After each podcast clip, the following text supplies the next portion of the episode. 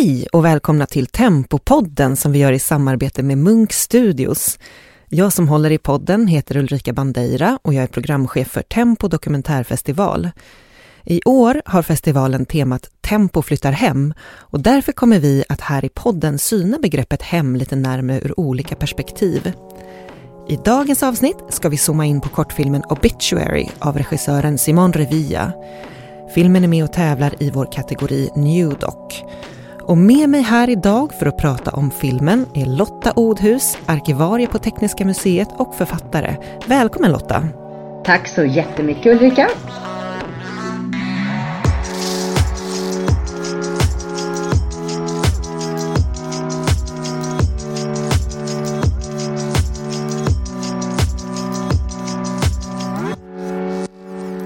Filmen som vi ska prata om är, den är uppbyggd i kapitel och börjar med en begravning utan sörjande. Gradvis får man veta mer om den döde och jag tycker att filmen liksom borrar sig allt längre tillbaka i tiden, djupare och djupare. Genom intervjuer med personer runt omkring och via objekt som den döde har lämnat efter sig får vi veta allt mer om vem man var som person. Och fram träder bilden av en ensam fågelskådande argentinare i exil i Sverige. Eh, och om vi börjar där, Lotta, du är ju arkivarie och i ditt dagliga jobb så sätter du saker i kontexter. Eh, du tar enskilda objekt, eller arkivhandlingar då, och placerar dem i sammanhang för att skapa mening. Och utifrån det perspektivet, hur ser du på den här filmen som arkivföremål? Ja, det är en väldigt stark film tycker jag och det skildrar ju också en persons liv och vi brukar prata i arkivtermer om att det då är ett personarkiv som du som person eller människa skapar under ditt liv. Och under ett liv kan man ju då ha massa olika materialkategorier. Det kan ju vara att du har brev, du har foton, du har ljud, filmupptagningar och så vidare. Och även föremål som ändå finns nära dig. Och det intressanta här blir ju också att vi får ta del av det här för det är inte allt som eh, minnena är ju också en form av materialitet, alltså de här eh, grannarnas bild av den här ensamvargen och hans före detta fru. Det är också saker som finns med så att säga egentligen i vad vi tänker ett personarkiv men kanske sällan ordnas upp på en institution så, så som en sån som jag jobbar på. Men det här tycker jag också är intressant att hur vi också dokumenterar en person. Jag menar skulle jag då göra ett personarkiv av den här mannens liv så skulle ju den här filmen, det är ju så att säga hans eh, dödsruna som filmaren faktiskt tecknar i film, i rörligt material. Jag tycker det är en väldigt fint tillägg att man kan berätta hans liv i film på ett väldigt, eh, ett väldigt spännande sätt. Och det som det triggar igång hos mig som arkivarie är ju att ta reda på mer. Jag vill ju gå till hans arbetsplats och börja gräva.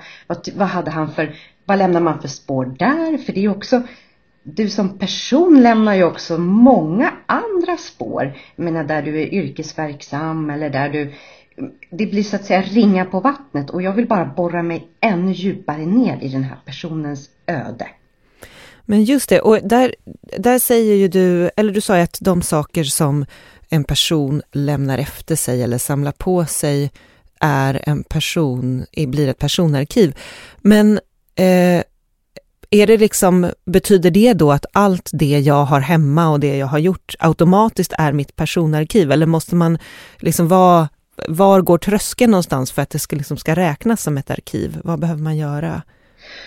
Ja, det, det där är ju tycker jag vi som institutioner kan bli mycket bättre på. Det pratas ju lite vagt om att ett personarkiv för att det då ska bli en del av eh, arkiven ska det ha ett nationellt intresse. Och jag tycker ju här finns det ju anledning att också ransaka oss själva att vi borde ju vara mer normkritiska kanske. Vems röster är det vi tar in och bevarar? Vem är det ens som känner att man har så att säga eh, det Eh, incitamentet att ja men det är klart jag ska bli en, ett, av ett nationellt intresse. Jag tycker tröskeln är ju ganska hög där för vems röster vi har bevarat. Och här tycker jag ju också det är ju det man brukar prata om. Det finns ju de enskilda minnena hos personer. Men sen att vi på arkiven, alltså vår uppgift är ju att vara ett gemensamt kulturarv. Att utgöra ett kollektivt minne. Och där bör vi också ta in fler och andras röster. För att hans historia pekar ju på så mycket drag som kanske inte bara är i hans. Det handlar om vad händer när du har um, du så att säga en främling i ditt nya hemland. Vad gör migrationen med ditt arv, det du tar med dig? Vad gör ensamheten med oss? Som människor, det kan man ju också se som ett, ett kollektivt frågeställande. Alltså vad, eh, vad pekar det här på? Vad är det för samhälle vi har där sånt här händer? Det skulle kunna vara så att eh, privatpersoner, eller jag som privatperson eller någon närstående till mig, då skulle man kunna höra av sig till er och säga eh, jag skulle vilja lämna in alla mina tillhörigheter till er eh, som ett personarkiv. Ja, och sen som, som så många gånger är det ju det här med kostnad och ni vet prioriteringar. Men i, i praktiken ska det ju, till varje institution finns ju också, här har vi ju teknikhistoriskt eh, intresse. Men jag tycker ju också här finns det anledning med tanke på att vi har barn som målgrupp. Vi har ju in, inga barn i arkivet eller deras röster och perspektiv. Att man också eh, kan bredda lite synen på vad det är vi förvärvar. Men eh, jag tror att det finns all anledning att eh, vara lite självkritisk och mer inkluderande från, från vårt håll på arkiven, absolut.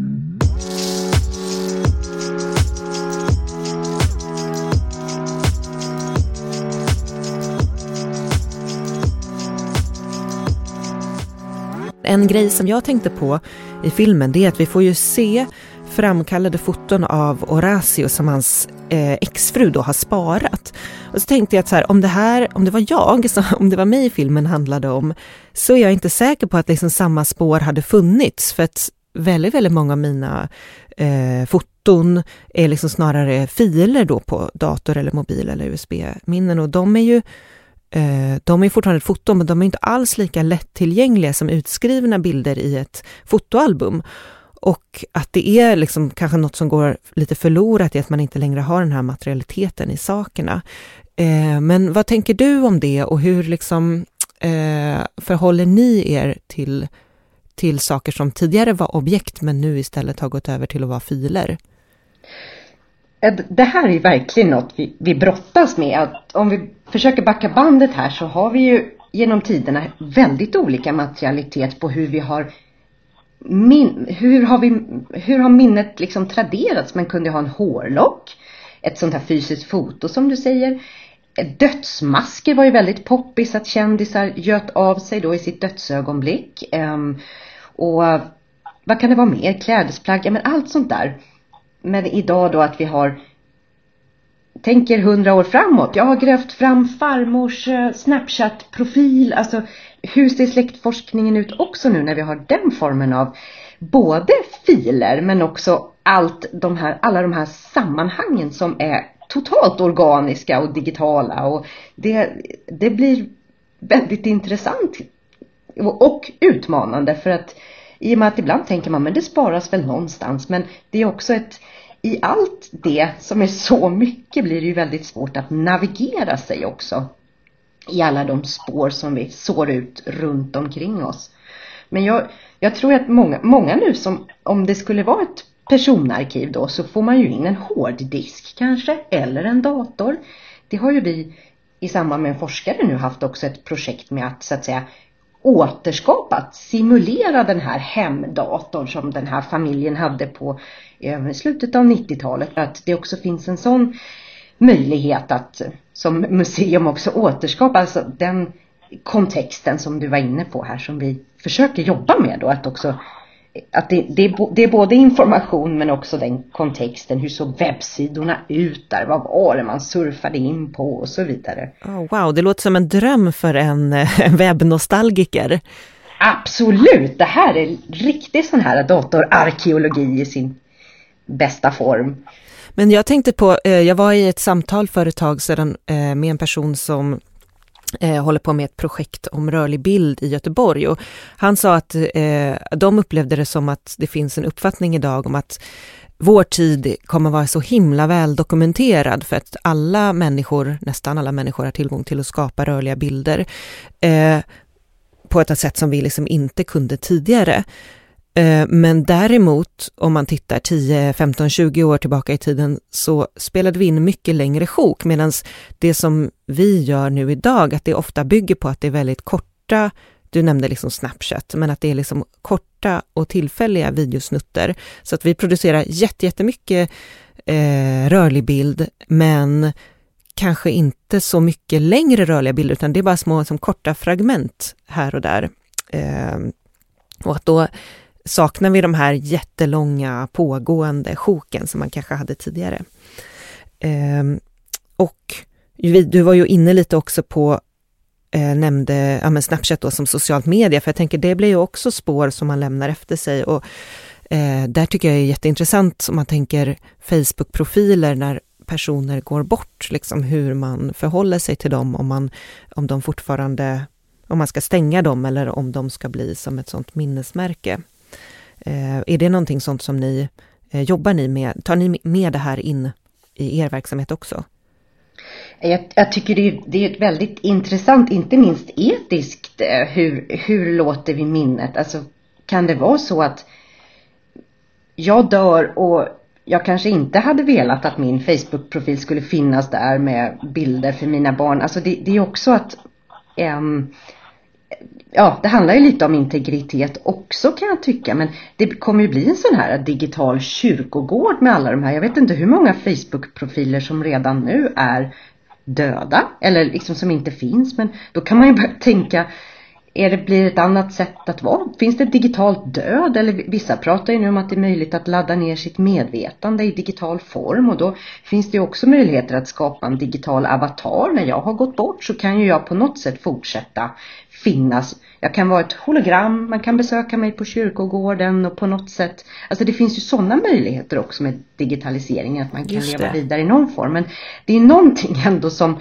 jag som levande kanske snart bör ta ställning till också. Och det har ju vissa begravningsbyråer nu fokat, fokuserat mer på att Oj. hur vill du så att säga äh, leva vidare eller, eller i vilka former och det kanske jag vet inte om man blir ännu mer eh, rädd för döden i det här digitala samhället. Vi har ju det här med kryonik, kryonik också, att folk fryser ner sig och sen vill bli återuppväckta i framtiden.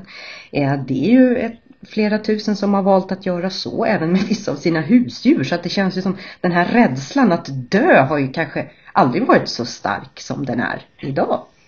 Just det, och jag tänker att eh, du och jag förutsatt att liksom Facebook eh, fortfarande är en plattform som man kommer använda sig av, men att man i och med att man blir äldre så kommer man möjligen ställas inför den, det scenariot att fler och fler av dem man, som man har som vänner där eh, kommer vara döda. Att det kommer vara som en sån eh, liksom telefonbok, som det finns en scen i den här filmen Amélie Poulain, där det i början är det en äldre man som har varit på en begravning och sen så måste han, går han hem och är jätteledsen och så får han radera liksom ännu ett nummer ur sin telefonbok för det är ännu en vän som har dött. Och det tänker jag, ja det är ju en möjlighet att det kommer vara så att man, eh, fler och fler av de som man har i sitt eh, liksom digitala sociala nätverk kommer eh, har avlidit.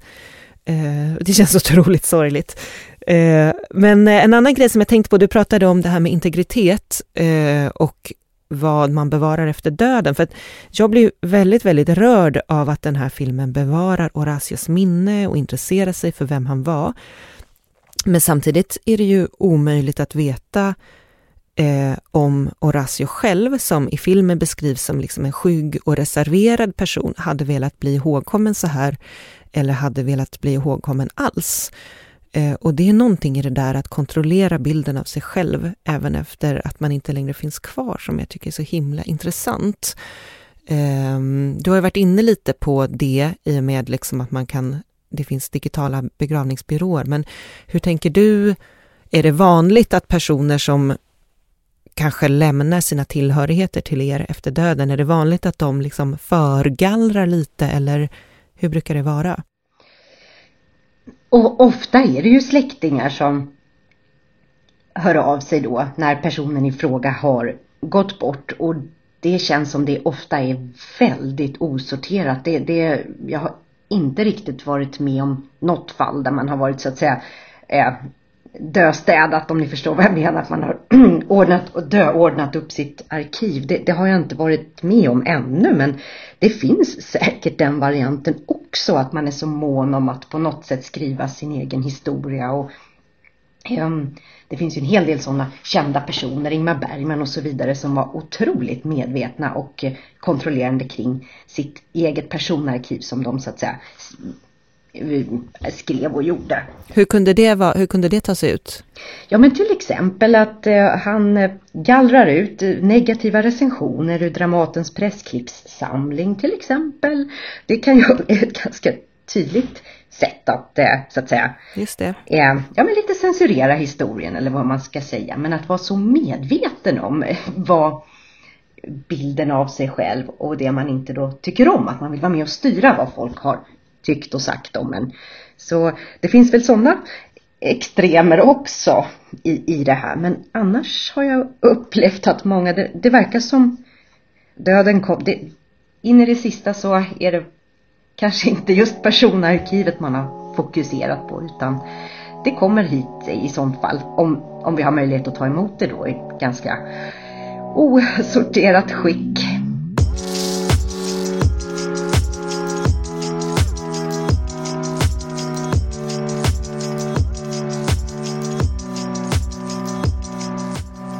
Jag tänker också att en annan intressant eh, liksom parallell till det här katalogiserade arkivet är ju att eh, Horacio, som, är, som filmen handlar om, ju faktiskt har eh, skrivit ett fågellexikon som också är en form av katalogiserad samling. Eh, och också deltar ju då aktivt i fågelskådar forum där han lägger, eh, där när han har lämnat spår efter sig på eh, vad jag gissar är liksom någon sorts diskussionsforum. Eh, men så det tycker jag är intressant att det också finns det här eh, lexikonet som jag tänker är en parallell eller en syskonverksamhet till det du sysslar med Lotta. Absolut. Och, och det, ja, nej men det är ju väldigt eh, intressant för det är ju också poängen i att försöka göra någonting, hitta någon slags systematik, sökingångar och så vidare, hur man ska, eh, ja, hur det ska kunna beforskas det här. Men att på något sätt, eh, apropå det här med integritet också, att vi nu har den här filmen gjorts, det har tecknat hans dödsruna och vi har fått de här eh, Vissa kanske kallar det upprättelse, vissa kanske kallar det intrång i hans privatliv. Det här är ju lite vattendelare ehm, och kanske blir någonting för oss som framöver här som inte är födda liksom. Vi är inte födda i digitala eller vad man ska säga utan vi är liksom nomader här eh, att ta ställning till också. Det här minnet och avvägningar och så att säga vad ska vara vad vill jag ska vara tillgängligt efter att jag dör vad gäller de här spåren.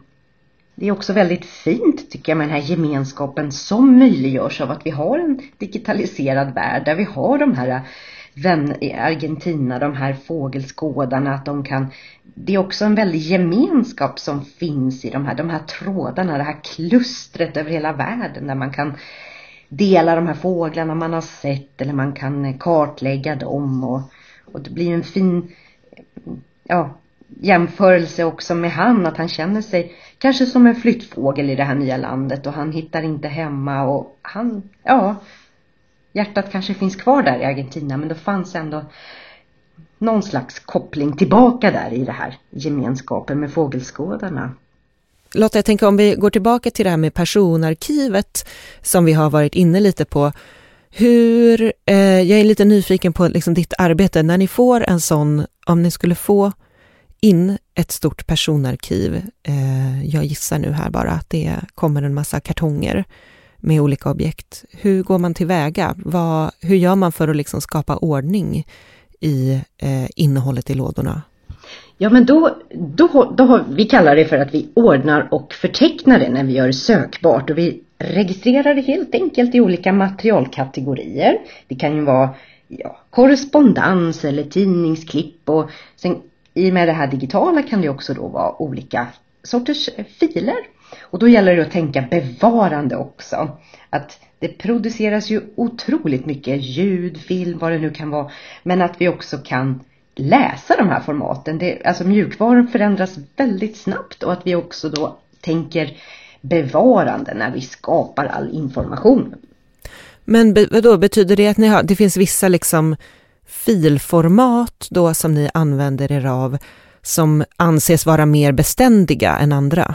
Ja, exakt. Det finns ju en sån eh, kriterier så att säga så att de kan, de kan gå att läsa och inte är så beroende av eh, så att säga annan mjukvara och så vidare. Så att den aspekten vad gäller digital arkivering är ju jätteviktig att vi också och det kanske inte är att den personen som har gjort sitt personarkiv har haft de bevarande glasögonen på sig. Så att då får vi också se till att spara om eller göra det så att säga arkivbeständigt. Men har tidsperspektivet förändrats där? För jag tänker att ett arkiv på 70-talet eh, när man inte hade så mycket digitala objekt, eh, där kanske man tänkte att man skulle se till så att ett papper kanske inte blektes eller liksom vad det nu kan vara. Eh, och då kanske man tänkte att man hade, jag vet inte, ett 25-50 års perspektiv, vad vet jag, jag bara spånar. Eh, men idag misstänker jag, om man talar om en fil, så känns det som att 25 år, det har ju, då har det ju hänt otroligt mycket eh, inom teknisk utveckling. Hur långt, liksom, vad, hur långt ska någonting minst hålla för att det ska räknas som arkivbeständigt? Ja, vi vill ju att det ska hålla för all tid och evighet och det är väl därför det är de här eh, kravställningarna kring just eh, digitala foton och att just här på tekniska så har vi faktiskt fortfarande mycket att vi har det på papper. Alltså för att det vet vi håller i väldigt lång tid så länge det är åldringsbeständigt eller arkivbeständigt papper och så vidare. Att vi har fortfarande rätt mycket så att säga av den materialiteten.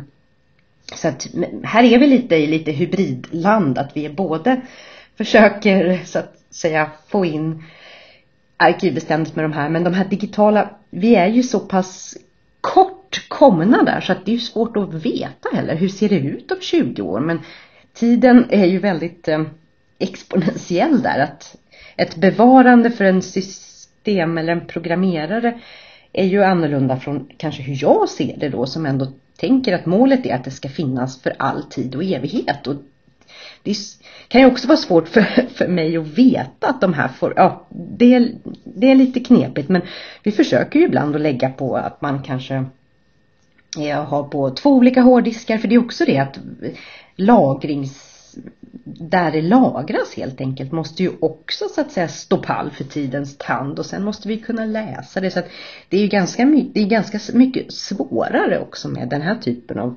material än ett gammalt rullband så att säga. Men om man tittar på andra änden då, eh, du beskriver det som att du vill att saker ska lagras för evighet. Och om man hela tiden lagrar en massa saker Eh, Eh, så blir det ju mer och mer. Eh, era liksom lagerytor måste ju växa något otroligt. Eh, hur gör man då? Man kan ju inte spara allting. Ni måste väl hålla på med någon sorts gallring också misstänker jag. Och hur gör man det? Hur bestämmer man så här, nu ska vi inte spara den här saken längre? Nej, det, det beror ju på vad, eh, vad man jobbar på för sorts institution. Jobbar du på en arkivmyndighet och så vidare, eller en myndighet måste du ju ha gallrings, då måste du ju ansöka om det helt enkelt, att få gallra information. Men vi är en stiftelse så vi, har, vi är ju inte under offentlighetsprincipen eller så, så att det är ju, eh, vi har ju mer frihet på det sättet. Men oftast vill man ju, tar man emot ett förvärv, ett personarkiv eller vad det är, så är det ju ofta att vi skriver in där att vi har, vi har rätt att gallra det vi inte kan ta emot helt enkelt och då kan man ju antingen säga till den som har gett oss det här arkivet att ni får tillbaka det eller vill de inte ha det så destruerar vi det helt enkelt. Så att det, det måste ju ske ett urval. Det går ju inte att spara allt, särskilt inte i de här tiderna när man kanske tar 4000 foton på din weekend i Paris. Alltså det, det blir liksom, man måste ju sovra lite här.